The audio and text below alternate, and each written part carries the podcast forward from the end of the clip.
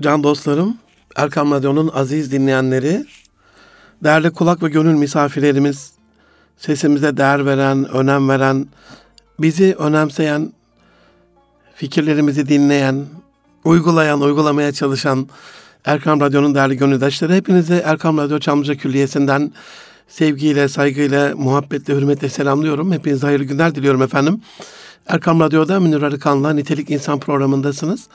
2019'un 39. programında Allah lütfederse inşallah istişare etmek, danışmak, meşveret, ortak aklı kullanmakla alakalı daha iyi bir Türkiye, daha iyi bir dünya, daha iyi bir gelecek adına bunun önemini sizlerle paylaşacağım. Bize ulaşmak isterseniz canlar nitelikli insan et erkamradyo.com e-mail adresinden ya da et erkamradyo ya da et Munir Arıkan tweet adreslerinden bize ulaşabilirsiniz.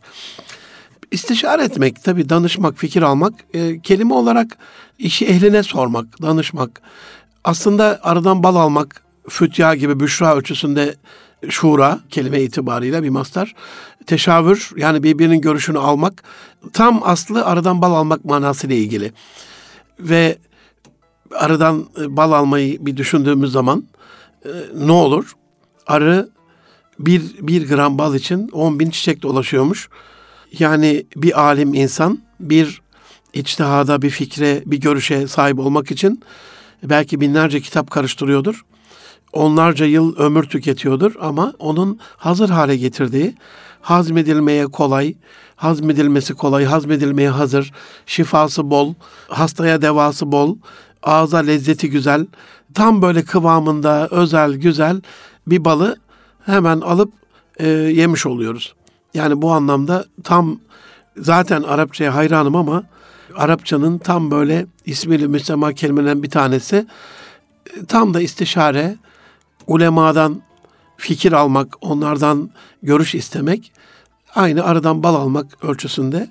Tabi burada arıyla ilim insanını, ulemayı özdeşleştirdiğimiz, benzeşleştirdiğimiz zaman onların e, pis mekanlara gitmeyeceğini, pise konmayacağını, e, pis bir şeyden nemalanmayacağını, oradan beslenmeyeceğini de bilmiş olmamız lazım. Çünkü arı hep çiçek nektarları, hep temiz ortamlar, hep temiz şeylerden beslenir. Bir de hani çalışkandır, oradan alimlerin çalışkanlığını arı gibi çalışan değil mi? Bir de Rabbin balırsına e, vahyetmiştir ayetine yola çıkarak. Allah'ın aslında istediği şekliyle bir bal yapılıyor.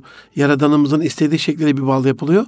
E, peygamberin varisleri olan alimler de bu anlamda tam Rabbimizin istediği doğrultuda daha iyi bir dünya olması için, dünyanın inşası için, ihyası için, imarı için, insanların gerçekten doğru yolu, iyiliği, güzelliği bulması için çalışan insanlar. Bu anlamda onların da bir vazifeler olduğunu düşünmek lazım. Can dostlarım, aziz dostlarım, aslında e, tam istişare anlamına değil ama ilk başlangıç, ilk yaratılış serüvenimize dönecek olursak hani diyor hatırla Rabbin meleklere ben yeryüzünde bir halife yaratacağım demişti melekler de biz e, hamdinle seni tesbih ve seni takdis edip dururken yeryüzünde fesat çıkartacak, orada kan dökecek birini mi yaratacaksın ey Rabbimiz dediler hani ayet-i kerimeyi hatırlarsak. Allah da onlara ben sizin e, bilemeyeceğinizi herhalde ben bilirim.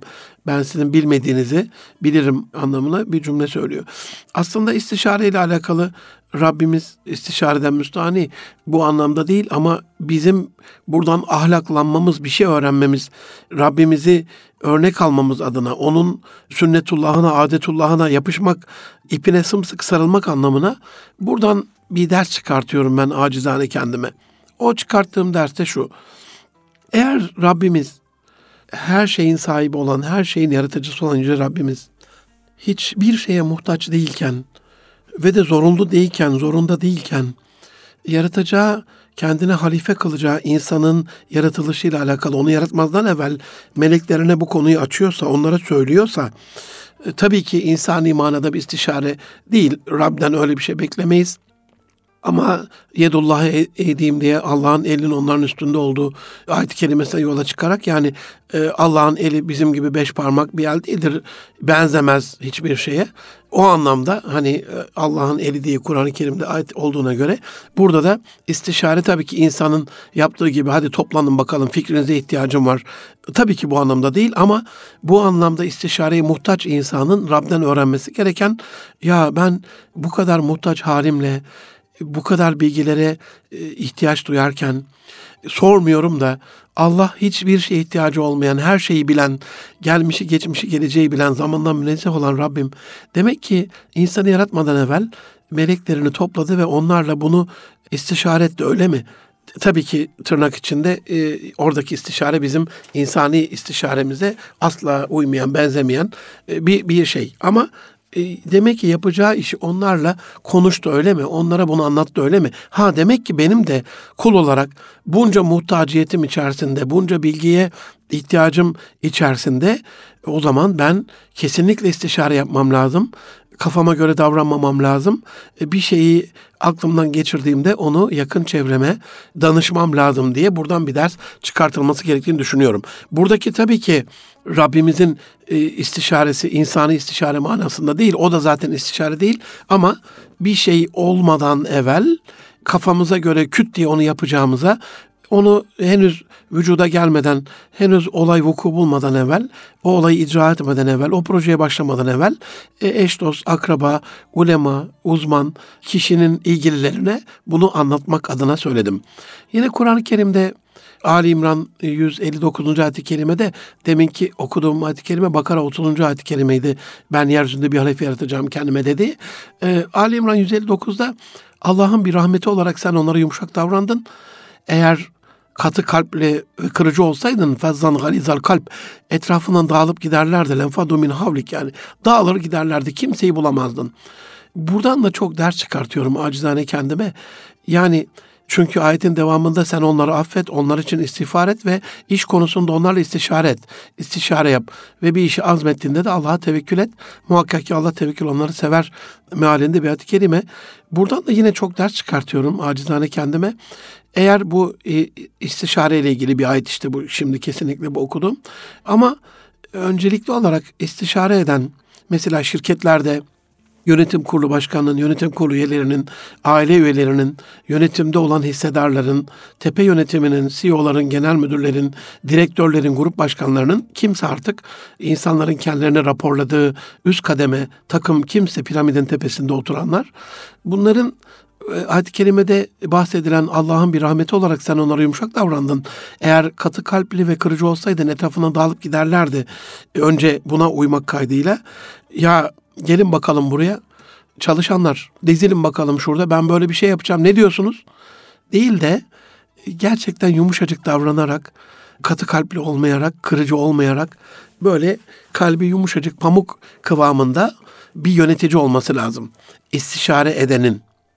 Aynı zamanda insan kıymetlerinin, kıymetli insan kaynaklarının, elemanlarının, çalışanlarının, personellerinin kusurları olduğunda sen onları affet diyor çünkü Rabbim yöneticinin, idarecinin, şirket sahibinin demek ki affetmesi gerekiyor. Yetmedi. Onlar demek ki hata yapacaklar e, hatta e, affedilir yani kusur affedilir. Günahı Allah affeder. Kula affet dediğine göre biz hataları affedeceğiz.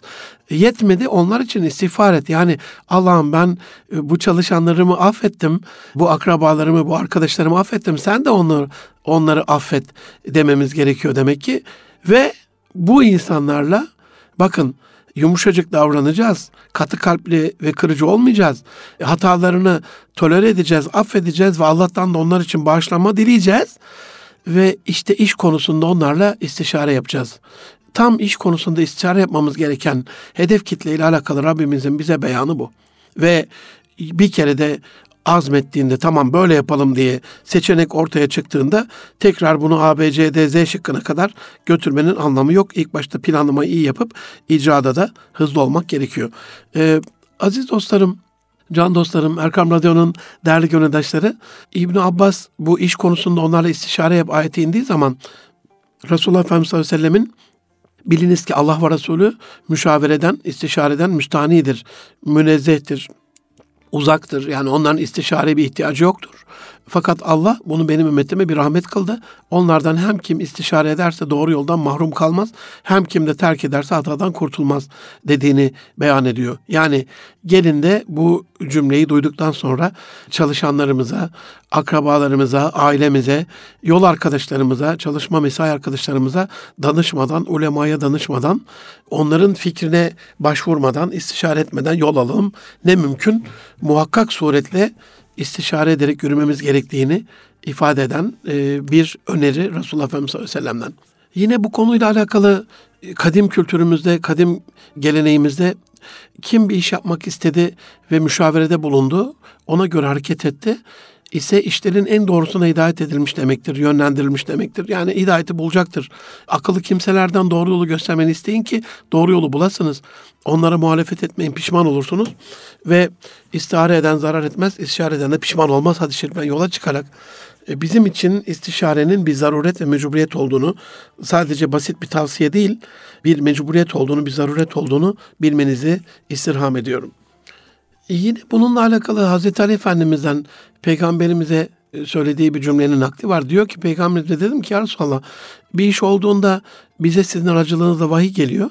Senden sonra hakkında Kur'an'dan ayet inmemiş ve senden de duymadığımız bir iş olduğunda senin vefatından sonra demek bu senden sonra e, ne yapalım? Resulullah Efendimiz de diyor böyle bir iş olduğunda ümmetimden abid, ibadet ehli olanları toplayınız ve o işi aranızda meşveret ediniz. Bir kişinin sözüyle hareket etmeyiniz. Ve Ebu Hureyre'nin insanlardan ashabıyla istişare eden kimseler içerisinde Resulullah sallallahu aleyhi ve sellem'den daha çok istişare edenini, e, danışanı görmedim. Şimdi bütün bunlardan yola çıkarak bir de bir e, Hazreti Ömer Efendimizin muhteşem bir beyanı var bununla alakalı. Onu söyleyip e, asıl e, aktaracaklarıma geçeceğim aziz dostlarım. Ömer Efendimiz de birçok meselede daima arkadaşları sahabe-i kiramla istişare ederdi. Onlarla meşveret ederdi. Hatta kadınlarla bile istişare ettiği olurdu. Bunu hatta kadınlar da diye söyleyerek taciz etmek, aşağılamak adına söylemiyorum. Kadınlardan kinaye yani illa bunun bir cinsiyet işi olmadığını, insanın eşiyle, arkadaşıyla, çalışma arkadaşıyla, e, patronuyla, çalışanıyla, e, akrabasıyla istişare etmesi adına bunda bir sınırlama olmadığını söylemek adına söylüyorum. Bazen hani git illa şuna sor diye bilinebilir. Şöyle söylüyor. Tek kişinin aklı ve bakışı bir iplik gibidir. İki akıl iki ayrı görüştür. Sicime benzer. Üç akıl ise sapa sağlam bir organa benzer. Hani sicimleri, organları düşünün. Burgu burgu böyle ilmek ilmek birbirine sarılmış. Bir tanesini tak diye kopartabilirsiniz.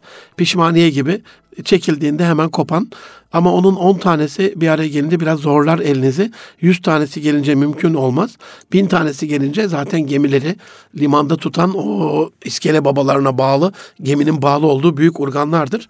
E, bu anlamda son bir cümle Süfyan-ı Sevri'den Resul Efendimizin beyanı yine bana ulaştığına göre diyor istişare aklın yarısıdır. Yani aklın yarısından faydalanmamak ne mümkün olsa gerek. Can dostlarım yine Kur'an-ı Kerim'de Rablerine icabet ederler onun o çağrısına kulak verenler anlamına Rablerine icabet edenler, dost doğru namaz kılanlar, işleri kendi aralarında şura ile olanlar yani istihar edenler ve kendilerine rızık olarak verdiklerinden infak edenler diye Şura 38'de e, bahsediliyor. O güzel ve övülen insanlar. Bir kere niye istişare edelim? Hiçbirimiz hepimiz kadar akıl olamayız. Mümkün değil. Dolayısıyla ortak aklı kullanmak adına, o tecrübeyi kullanmak adına tam da aslında Nasrettin Hoca'nın, Hoca Nasrettin'in damdan düştüğünde doktor mu, çıkıkçı mı, sınıkçı mı diye araştırılırken ya bana damdan düşen birini getirin demesi tam bundan dolayı. Çünkü o hayatında bedel ödeyerek, o bedeli de ağır bir şekilde canından değil mi ödeyerek, kemiği kırılarak, e, kasları zedelenerek, dokuları yıpranarak, hasta olarak, yatalak bir vaziyete gelerek, belki felç olarak ödeyen birileri vardır damdan düştüğünde o ne yaptıysa şifaya olduğu, şifaya ulaştığı vesileleri yaptığımızda bizler de onun aynısını yapacağız. Zaten modern tıp da şu anda ne yapıyor? Vaka analiz dediğimiz şeyleri araştırıyor. Bilimsel tavsiye dediğimiz şey işte 2000 vakadan başlıyor. 2000 vakada bir ilaç önce farelerde deniyorlar. Tavşanlarda bazen deneniyor. bazı değişik hayvanlarda deneniyor. Sonra gönüllü kobay olarak kabul eden insanlar da çaresiz kalmış. Artık son çaresi bir umut. Ya çıkacak ya batacak. Onlar da deneniyor. Ama 2000 kişiye şifa yap olan, şifa veren bir şey de bilimsel gerçek diyorlar. Artık bu terkip şu hastalığa iyi gelir diyorlar. Aynen böyle. Eğer başına o iş gelen insanların büyük çoğunluğu kahir ekseriyeti bu konuda böyle diyorsa demek ki o konunun öyle olduğuyla alakalı fikrimizin sabit olması artık o konuda da azamet sahibi olmamız, azmetmemiz, tevekkül etmemiz, o projeyi sonuna kadar o mihvalde yürütmemiz gerekiyor. Aziz dostlarım, değerli dostlarım, can dostlarım, Erkam Radyo'nun değerli gönüldaşları, Biliyorsunuz aynı zamanda Türkiye'nin ilk aile koçuyum. Family Coaching dediğimiz aile koçluğuyla alakalı sayısız aileyle çalıştım. Genellikle bana sorsanız hocam ailelerde en büyük yıkım nereden başlıyor? Değerli hocam kimler boşanıyor? Kimler birbirinin artık sevgisini e, tüketiyor, yok ediyor, aileyi e, bitirme noktasına getiriyor derseniz sizi temin ederim. Gördüğüm bütün vakalarda istişare etmeyen insanlar diyebilirim kendi kafasına güvenen, kendi aklına güvenen insanlar diyebilirim size kesinlikle. Hatta bu insanlara hani onları bir yerlerinden tutabilmek adına ya size bir kişisel gelişim uzmanı mı getireyim, bir e, aile koçu mu getireyim, bir terapist mi getireyim, bir psikolog mu getireyim, bir psikiyatrist mi getireyim, genetik tahlilimizi yaptırayım. Yoksa böyle kadim bilge insanlardan, kadim derlerden işte Mehmet Ali Bulut ağabey el çizgilerinden bir yorum yapar. Mesela Zeynep Bornovalı hocam el yazısından analiz yapar. İlmi simya başka bir şeydir. Fizyonomiden yani bir insana bakarak eşiyle alakalı zarar verip vermeyeceğinin izleri, iz düşümü yüzüne düşmüştür ve ulema uzmanı bunu anlar.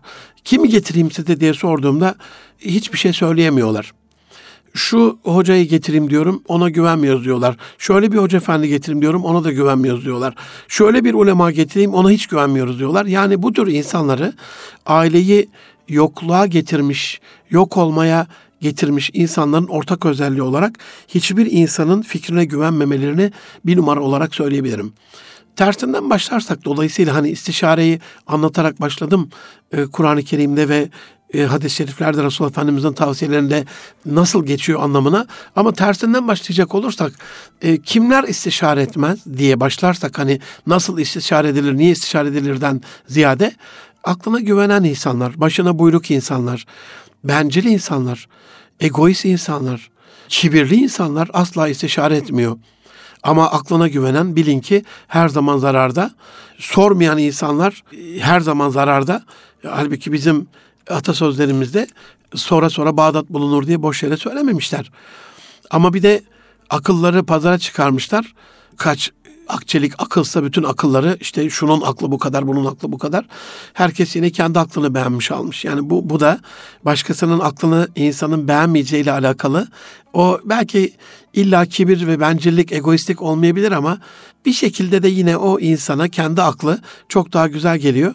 Sanat dediğimiz şey de bu değil mi zaten? Yani eleştirebilirsiniz yapılan bir tabloyu, bir sanat eserini ama sanatçıya o güzel gelmiştir. Kendi yorumu. Bu anlamda bu ilim işi bir sanat işi değil. Sanat, özgün yorum, birbirinden çok farklı yorum. İyisi, kötüsü, doğrusu, yanlışı olmaz. Estetik kaygıdan uzaktır. E, sanatçı onu kendi yorumu olarak yapmıştır. Kimseye de bir zararı yoktur. Duvara asmıştır. Yani size bir tablo Van Gogh'a göre şöyle, Salvador Dali'ye göre böyle, Picasso'ya göre böyle, Leonardo da Vinci'ye göre şunu yapın demez yani. Kendi halinde zararsız, estetik bir bakışımızı, görüşümüzü tatmin eden, baktığımızda mutlu olduğumuz e, güzel eserlerdir. Ama fikirler öyle değil. Fikirler yol gösterir, yön verir, çığır açar. Fikirler e, bir insanın, bir kurumun, bir ülkenin sonunu da getirebilir. Sorunlarına son da verebilir. Bu anlamda danışan dağ aşmış, danışmayan düz yolda şaşmış e, atasözünden de yola çıkarak kendi aklımıza güvenmeden kendimize güvenmek başka, öze güven, öz güven, özümüze güven başka ama ekabirlik, kibir yaparak e, bencillik yaparak, egoistlik yaparak dediğim dedik, çaldığım düdük işte budur, e, bundan başka bir şey bilmem tarzında son cümleyi illa ben söylerim tarzında bir şey e, olmaz.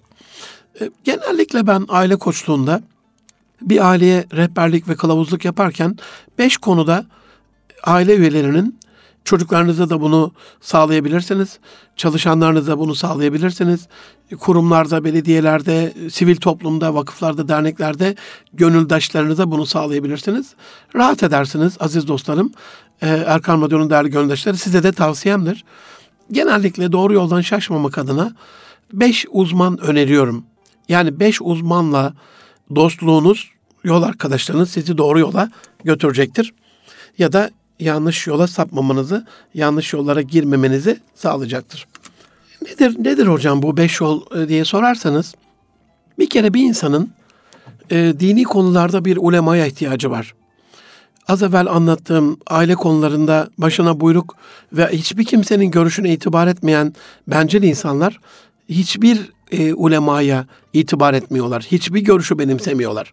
Hani yanlış da olsa bir görüşü benimseseler o görüşün karşı görüşleriyle o görüşü çürütmek ya da en azından bir çıkış yolu bulmak mümkün ama hiçbir görüşü e, benimsemediği zaman insan ona ulaşmak zor oluyor.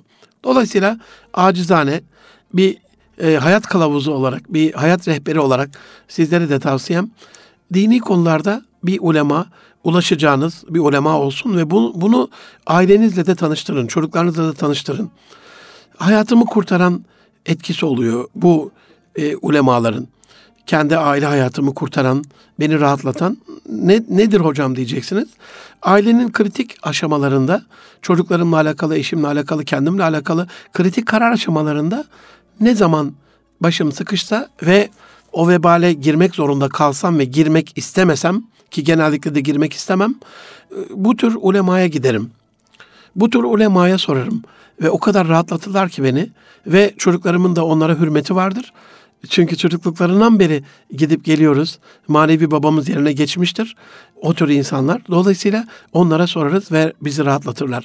Finans konusunda bir uzman, bir, bir danıştığınız bir kişi olsun. Çünkü kuracağınız yuva ile alakalı, yapacağınız yatırımla alakalı, projeleri yönetmenizle alakalı finans, likidite dediğimiz nakit ihtiyacı ve bunun bilincinde olmanız, doğru zamanda doğru şeylere yatırım yapmanız, tasarruf eden bir insan olmanız, israftan kaçınmanız, doğru yatırım enstrümanlarıyla sizi desteklemesi, mesela genelde bir yerde bir proje olur ve aileden birisi ya şurada taksitle TOKİ böyle bir ev projesine başlamış diye bir şey söylediğinde ailenin diğer üyeleri hemen o projeye dahil olarak mutlu olurlar. Minnettar olurlar, teşekkür ederler. Aynı böyle finans konusunda da bize rehberlik yapacak bir uzmana ihtiyacı var insanların.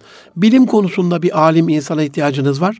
Size derin bilimi anlatabilmesi, arada sohbetinden faydalanmanız, dünya bilim tarihindeki kilometre taşlarını anlamanız adına kesinlikle bir bilim insanına e, ihtiyacınız var. Psikolojik açıdan bir üstada ihtiyacınız var. Hocam insan dediğimiz şey nedir? Benim şu andaki yaptığım bu tepki nedir? Bana yapılan şu saygısızlık ya da ben saygısızlık olarak algıladığım şu eylem nedir diye insani yazılım ve donanım açısından psikolojik açıdan tahlilini yapıp yürek ferahlatacak bir üstad çok çok önemli ve son olarak aileyle ilgili bir rehbere ihtiyacı var. Her insanın dini, finans, bilim, psikolojik ve aileyle ilgili bu beş rehberin kılavuzluğunda başımız sıkıştığında ona sorduğumuzda ne yapalım diye fikir aldığımızda ve de ona güvendiğimizde o güvenin gereğini de icra ettiğimizde hayatımız çok daha güzel olacaktır. Aziz dostlarım Erkam Radyo'da Münir Arıkan'la Nitelik İnsan programındasınız. İstişare etmeyi, danışmayı, ortak aklı kullanmayı anlatmaya kısa bir aradan sonra devam edeceğim. Az sonra görüşmek üzere efendim. Huzur bulacağınız ve huzurla dinleyeceğiniz bir frekans. Erkam Radyo, Kalbin Sesi.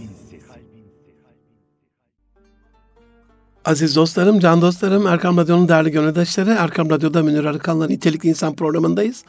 Kaldığımız yerden devam ediyoruz. Radyolarını ilk defa açan dostlarım için bu hafta 2019'un 39. programında istişare etmeyi, danışmayı, ortak aklı kullanmayı ve bunun kendi hayatımızdaki etkisini anlatmaya devam ediyoruz programın ikinci yarısında. Aziz dostlarım, akılla alakalı ecdadımız, atalarımız çok önem vermişler. Birkaç tane akılla alakalı e, damıtılmış o sözleri, uygarlık tarihimizde bugüne ulaşmış sözleri e, paylaşmak istiyorum sizlerle. Akıl adama sermaye. Mesela o kadar büyük bir cümle ki bu. Normalde paranız olmasa da bir, bir iş yapabilirsiniz. Teknoloji olmasa bir iş yapabilirsiniz. Mekan olmadan bir iş yapabilirsiniz. Ekibiniz olmadan bir iş yapabilirsiniz. Ama en önemli sermaye zaman. Bu anlamda akıl adama sermaye de yani akıl sorduğunuz, istişare ettiğiniz insanların size sadece para kazandırması değil, zaman kazandırmasını da ifade ediyor bu anlamda. En değerli, kıymetli sermaye zaman olduğuna göre, ömür en kıymetli sermaye olduğuna göre ömrünüze ömür katar akıllı insanlar. Akıl akıldan üstündür. Bu ne demek? Yani her ne kadar pazara çıkartmışlar yine herkes kendi aklını beğense de bileceğiz ki her zaman bizden daha iyi bilen, e, bizden çok daha iyi bilen, dolayısıyla illa direterek benim dediğim olacak şeklinde değil de o ortak aklı kullandığımızda işimizin daha iyi bir sonuca ulaşacağı bir akıl illaki vardır ve bunu da bulmak bizim mesuliyetimizdir. Akıl yaşta değil baştadır atasözü de bize bazen danışırken ben özellikle okullarda öğretmenlerimizi tenzih ederim. O gönlü güzel insanları. Bazı öğretmenler diye e, bir ayrım yapayım. Genellikle bir yanlışlarını gördüğümde okulda, sınıfta bir yanlış uygulamaları gördüğünde ve bunu yurt dışı tecrübemizle dünyanın değişik ülkelerindeki incelemelerimizle özellikle eğitim dünyasında dünyanın en iyi öğretmenleriyle yaptığımız röportajların oradaki birebir görüşmelerin sonucunu sonucu ışığında onlara bunu aktardığımızda ilk tepkileri bana genelde şöyle oluyor. Buna ben acizane öğretmen zaafı diyorum. Kibiri demek istemem o değerli öğretmenlerimize. Bir geçici zaaf olsa gerek bu. Hocam diyorlar Münir hocam 15 yıllık öğretmeniz, 20 yıllık öğretmeniz illa bunu işte Finlandiya'dan mı, Singapur'dan mı, Hindistan'dan mı öğreneceğiz? Japonya'dan, Amerika'dan, Almanya'dan mı öğreneceğiz? Dolayısıyla yaşa sığınıyorlar. Halbuki ecdadımız aklın yaşta değil başta olduğunu 21 yaşında bir Fatih Sultan, Fatih Sultan Mehmet'in de o hükümdarlığı altında bulunan bütün yaşlı askerlerinin komutanlarının üstünde fevkinde bir akla sahip olduğunu ispat edip çağ açıp çağ kapayan bir kişi olduğunu bize gösteriyor tarihi bilgilerimiz. Akıllı düşman akılsız dosttan evladır, hayırlıdır cümlesi de bakıyorsunuz dünya tarihinde dünyayı fesada çeviren ki Allah'ımızın en istemediği şeydir yeryüzünün fesada çevrilmesi ama yeryüzünü fesada çeviren insanlara bakıyoruz hep akılsız düşmandan ya da akıllı dosttan geliyor. Bilmeyerek tabi cahilane, aklı kullanmadıkları için. Akıllı düşman ne yapıyor? Temkinli davranıyor, sonucu düşünüyor, sonunu düşünüyor, hesap yapıyor. Dolayısıyla en sonunda bir yanlışlık varsa bu yanlıştan da dönüyor. İttifak gerekiyorsa ittifak yapıyor, sulh gerekiyorsa sulh yapıyor. Savaş gerekiyorsa savaş yapıyor ama akıl sınırları içerisinde yapıyor bunu. Ama akılsız düşman ya da akılsız dost ikisi de önemli değil. Aynı zararı veriyorlar sonuçta.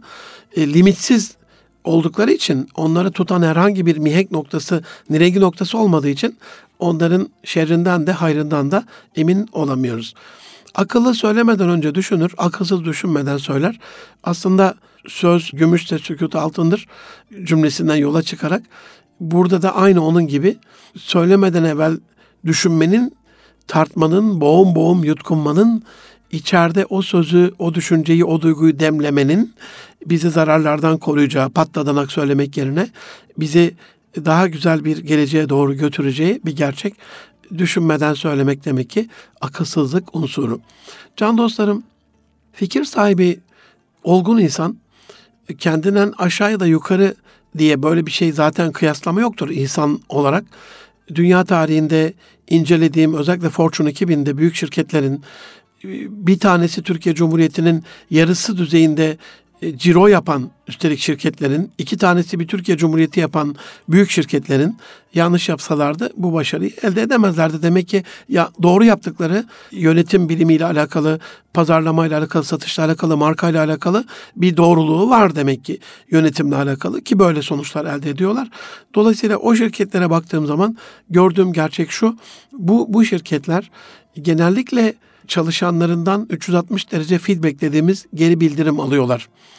Fikrim Geldi projesi, bir Fikrim Var projesi, Fikrini Paylaş, Ödül Kazan projesi gibi değişik projeler uyguluyorlar ve bunu e, haşa tenzih ediyorum, aşağılamak için söylemiyorum ama bir mühendise göre organizasyon şemasındaki yeri itibarıyla bir çaycımızın, bir temizlikçimizin, bir ofis boyumuzun, bir şoför arkadaşımızın hani organizasyon şemasındaki yeri itibarıyla bir mühendise göre, bir şefe, müdür yardımcısı, müdür grup başkanı ya da genel müdüre göre daha e, düşük olduğu için organizasyonel şemadaki seviyesi onlara bile soruyorlar. Ve genellikle bu Fortune ekibinde ortaya çıkan dünya çapında büyük başarılar e, genel müdürlerin, CEO'ların, yönetim kurulu, icra kurulundaki o kelli felli insanların gün görmüş, gün geçirmiş, e, iyi yatırımlar yapmış, iyi paralar kazanmış, dünyayı görmüş, bilgi sahibi olmuş insanlardan değil, ateşin tadını yanarak öğrenen, e, böyle bantta çalışıp orada o işin külfetini çeken e, bir bant ustabaşısından, oradaki bir e, teknikerden, teknisyenden ya da orada o işe bakan bir uzmandan, e, bir görevliden çıktığı e, bir gerçek.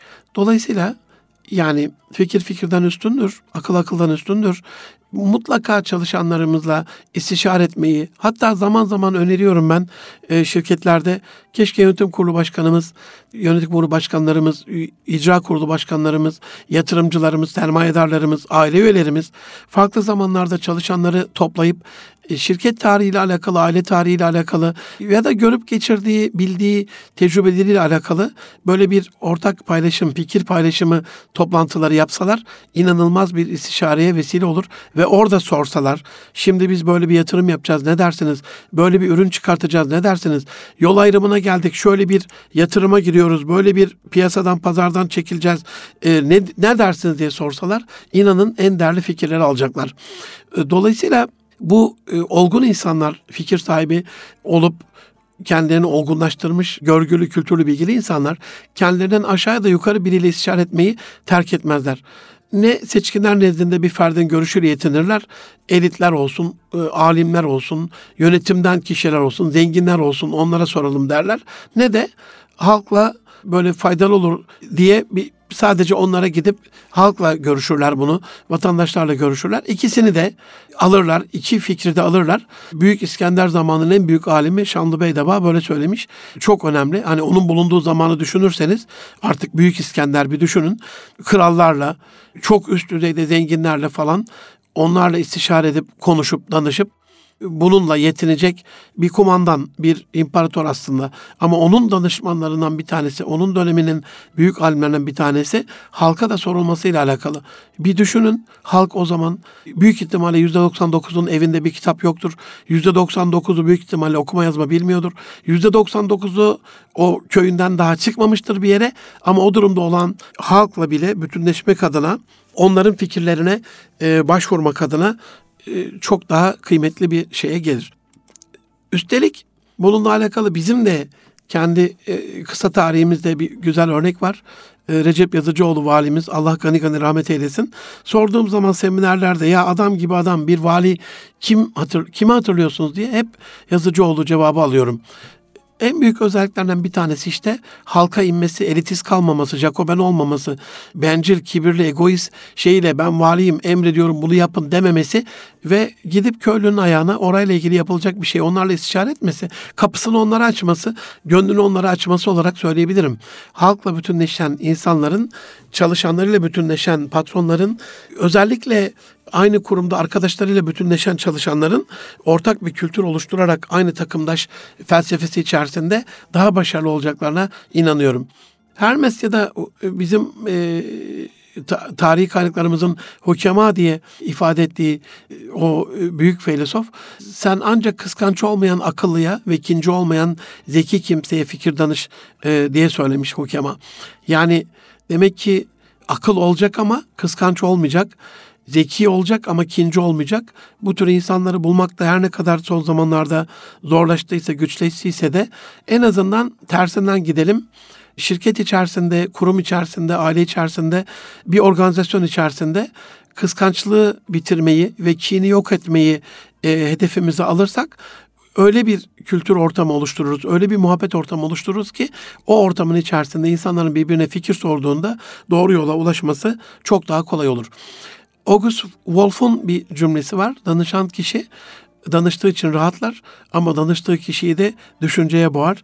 Bireysel aile koçluğunu genel itibariyle bırakmamın en büyük sebebi, bireysel terapiye girmemenin en büyük sebebi artık bende yarattığı tahribattı can dostlarım. İş o kadar acı ve dayanılmaz bir hale geldi ki artık dönüşte yolda e, arabada ne kadar ağladığımı bir Allah biliyor bir ben biliyorum. E, sayısız vakalar, inanılmaz acı öyküler, inanılması güç ve zor hayatlar gördüm. Ve dedim bu beni aşıyor ve bundan sonraki hayatıma kurumsal koçluk olarak seminerlerde ve executive coaching yaparak devam edeceğim diye böyle bir karar almıştım. Ama bu acıya katlanabilecek insanların da devam etmesi lazım. Ben demek ki acı seviyesi, acı eşiği o kadar yüksek bir dostunuz değilim. Hazreti Ali Efendimizin 7 yaşına kadar çocuğunuzla oynayınız, 15 yaşına kadar arkadaş olunuz, 15 yaşından sonra da onunla istişare ediniz cümlesi. Osmanlı kayıtlarına göre de geçen bir tarih hocam bahsetmişti. 14 yaşından sonra Osmanlı'da çocuğun konuşma hakkı olur. 14'e kadar susar, çok böyle bir şey söyleyemez gibi. Onunla da bunu benzeştirdiğimde, örtüştürdü, örtüştürdüğümde çok uygun olduğunu görüyorum. Hani tam böyle delikanlılığın, ergenliğin şeylerini atmış, erken ergenlik dönemini aşmış en azından öyle söyleyelim. Artık 15 19 arası biraz daha akıllı, temkinli olması gereken bir şeye doğru gelmiş. Yani e, deliliğini aşmış ergenliğini öyle söyleyeyim. Biraz da yaşayarak öğrenmiş olayları bir insan biraz daha görüşü, fikri önemsenen, benimsenen kişi oluyor. Halife Memun'un şüphelendiğiniz işlerde yakınlarınızdan tecrübe sahibi olanların, kararlı kişilerin ve şerefli ihtiyarların görüşlerine müracaat ediniz cümlesi. Tecrübe sahibi demek ki Sadece annem, babam, amcam, dayım, halam, teyzem diye değil, kuzenim diye değil, akrabam diye değil, tecrübe sahibi olan insanlara, yakınlarımızdan, kararlı kişilere ki o çok önemlidir onlar. Kararlı kişiler aynı zamanda sebat eden kişilerdir.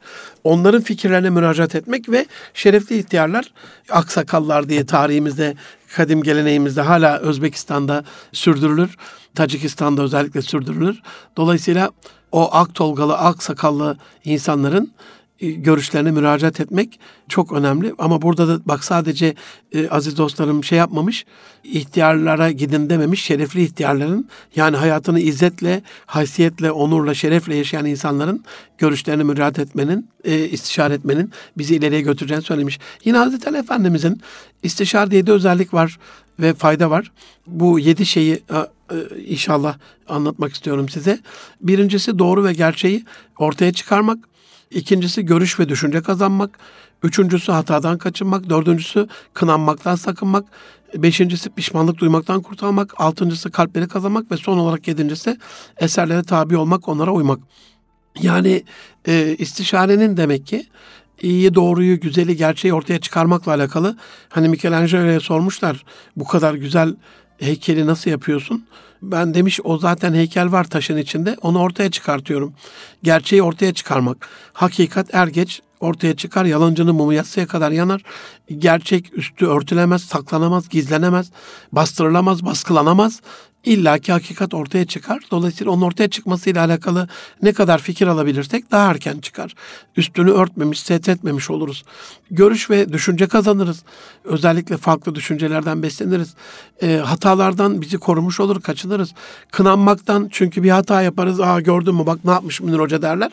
Halbuki istişare ettiğimde yapacak bir şey yok ben gerekli uzmanlardan görüş alarak yapmıştım. Pişmanlık duymam bu, bu durumda dolayısıyla. Bir de istişare özellikle bizi dinleyen iş dünyasındaki can dostlarıma buradan selam ve sevgilerimi, hürmetlerimi arz ediyorum.